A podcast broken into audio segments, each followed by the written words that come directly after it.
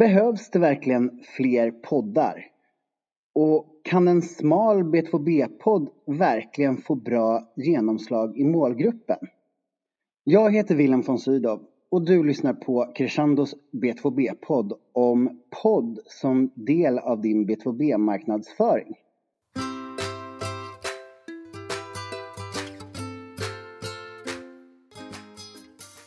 Maria Hagman är skribent och projektledare på Crescendo. Välkommen hit! Tack! Hör du, idag känns det som att alla vill ha en podd. Men är inte det vid det här laget lite uttjatat? Finns det för många poddar nu? Ja, eh, du som, den som lyssnar på det här verkar inte tycka att det är ett uttjatat format. Um, jag tycker inte att det finns för många så länge man har någonting att säga. Så länge man har någonting att berätta om i en podd så tycker jag att det är ett helt okej format att få ut det man vill säga. Jag ser en podd som ett komplement till allt annat marknadsföringsmaterial. Att det inte ersätter det skrivna ordet och rörlig bild utan det är ytterligare ett sätt att nå ut. Mm. Okej, okay. så inte för många poddar eh, så länge man har någonting att säga.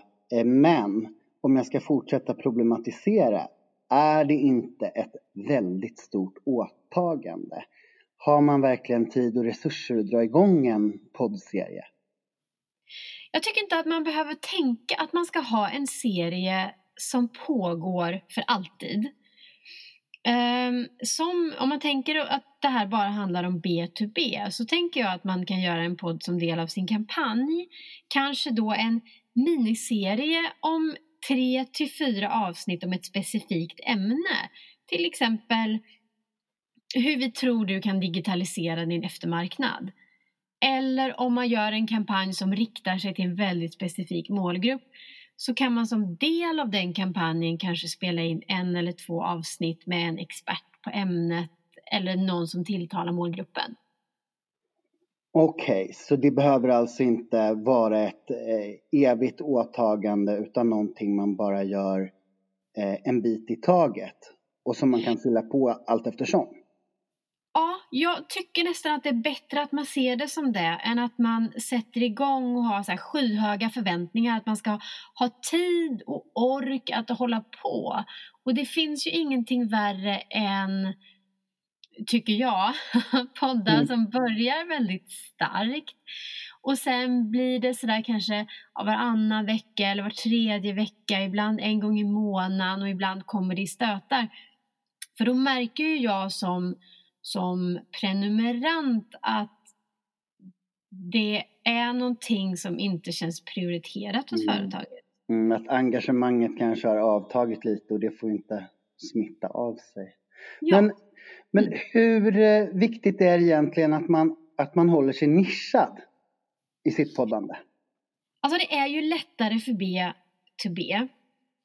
Då får man skilja här, när man, när man gör poddar mot, mot B2B, till skillnad från en, vad skulle jag säga, en samtalspodd. Till exempel Wahlgren och Winstam eller, eller eh, Skäringer och Mannheimer. De är ju poddar som har byggts upp på grund av pre, eh, de, de, liksom, de deltagandes personligheter och sen samtalar de om olika ämnen varje vecka. Medan som B2B-podd så har du ju alltid ett syfte att stärka ditt varumärke eller, eller faktiskt att, att sälja in någonting men du ska göra det på ett, på, på ett content-sätt. Så det är inte, du ska inte sitta där och bara liksom köp, köp, köp. Och då blir det ju väldigt nischat därför att du pratar ju om en specifik sak oftast.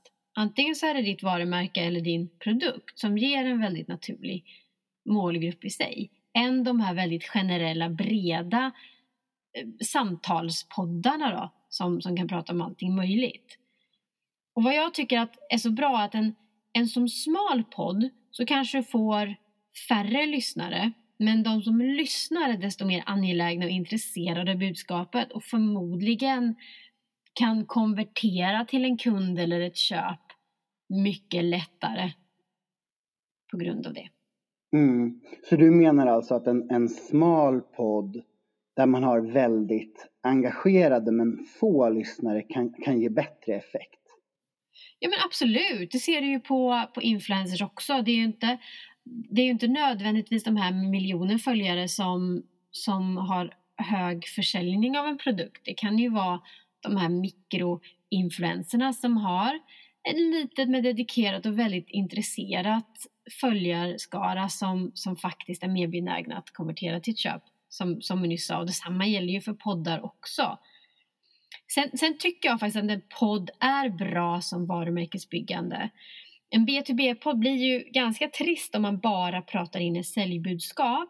Men sätter ni ett, sätt den i ett kontext, till exempel så här, hur har ni löst vissa utmaningar ni har haft? Och det är liksom intressant och relevant att prata om ämnen som rör din bransch i stort. Men, men, men fortfarande liksom ha den där vinkeln att därför gör vi så här eller därför har vi gjort så här eller det här tycker vi är viktigt. Så att det blir ett innehåll som är intressant att lyssna på, eh, utbildande skulle jag säga. Mm, mm.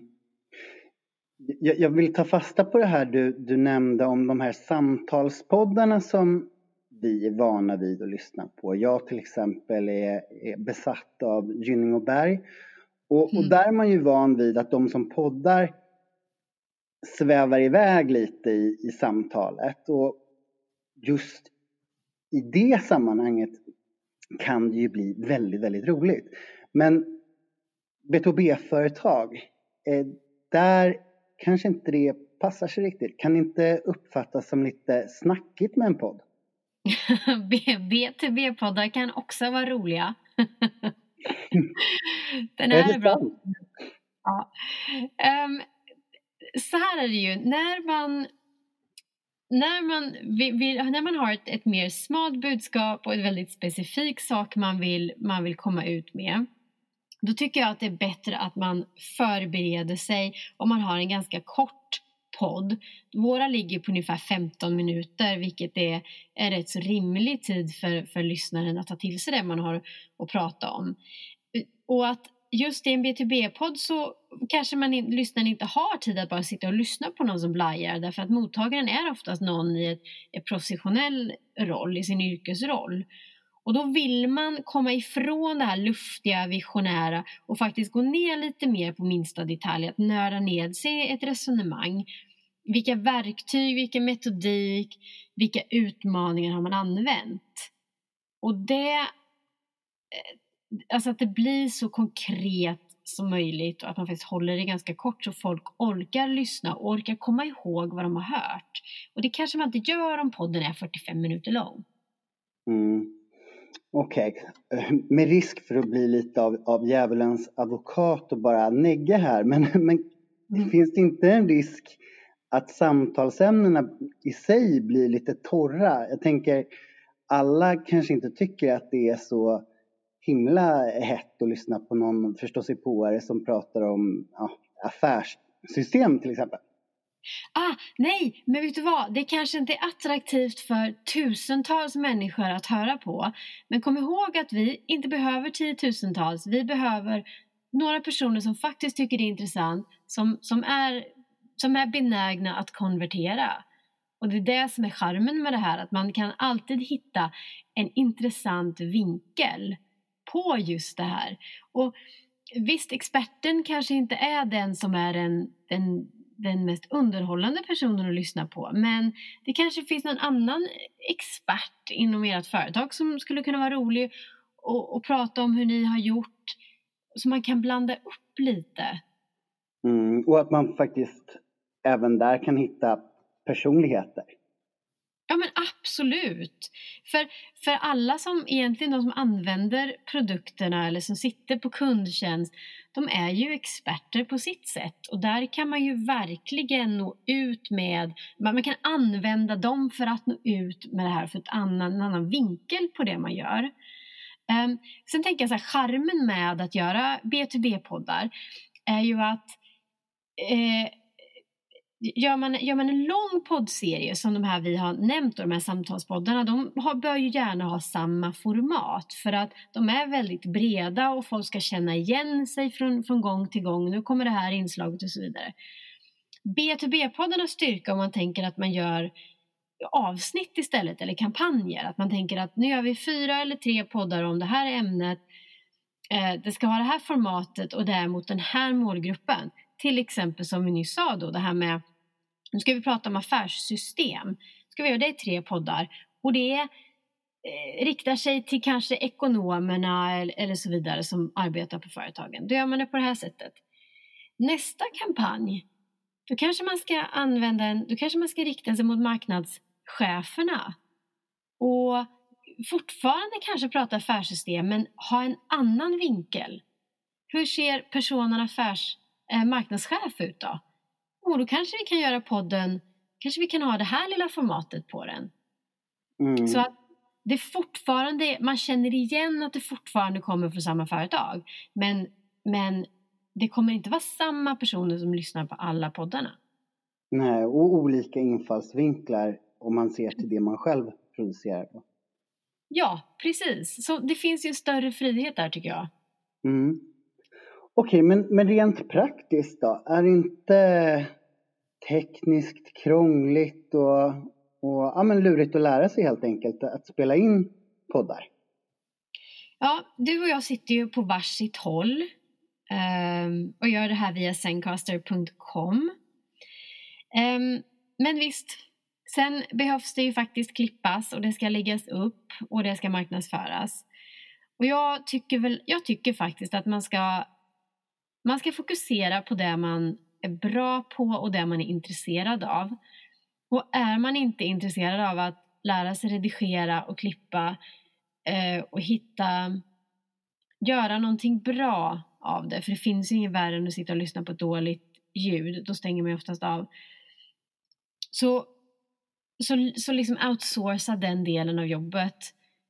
Um, antingen till oss typ på Crescendo som hjälper er med era poddar eller till någon annan så att man kan fokusera på att skapa ett bra innehåll. Mm. Du, vi har kommit till slutet av, av den här podden om poddar. Mm. har du avslutningsvis några tips till de som faktiskt vill komma igång med eh, sin podd för B2B? Ja, massor med tips. Men jag tänkte begränsa mig till, till några stycken. Ja, det låter bra. Mm. Det första är just att tänka avsnitt och inte serie. Att kanske börja med två eller tre avsnitt eh, som passar på någonting som ni, ni, en fråga som ni lyfter eller en produkt som ni har just nu. Och hitta en bra vinkel för varje avsnitt som kan vara intressant för någon annan att lyssna på. Det andra är som jag nyss nämnde att outsourca det du inte kan och fokusera på det du faktiskt gör bra. Um, det kan betyda att ni har experterna men ni behöver ta in någon som oss på Crescendo att hjälpa er med att skriva format, fixa manus och, och allting runt om. Och det tekniska också kanske? Absolut. Tredje är att, att hålla poddarna ganska korta. Fylla dem istället med ett bra relevant innehåll. Och det är ju del av den här redaktionsprocessen som jag nyss nämnde. Och till sist att våga skapa intressant innehåll och när det gäller B2B så att alltid ha säljet i bakhuvudet. Att det finns en anledning till varför någon ska lyssna på den här podden och det ska finnas en, en uppmaning på slutet vad man kan göra. Ringa er, kontakta er, läsa mer, lyssna på mer poddar eller ladda ner någonting. Superbra tips tycker jag verkligen. Tusen tack Maria för att du har varit med oss idag. Tack. Du har lyssnat till Crescendos B2B-podd. Du hittar fler avsnitt och mer inspiration för din B2B-marknadsföring på crescendo.se.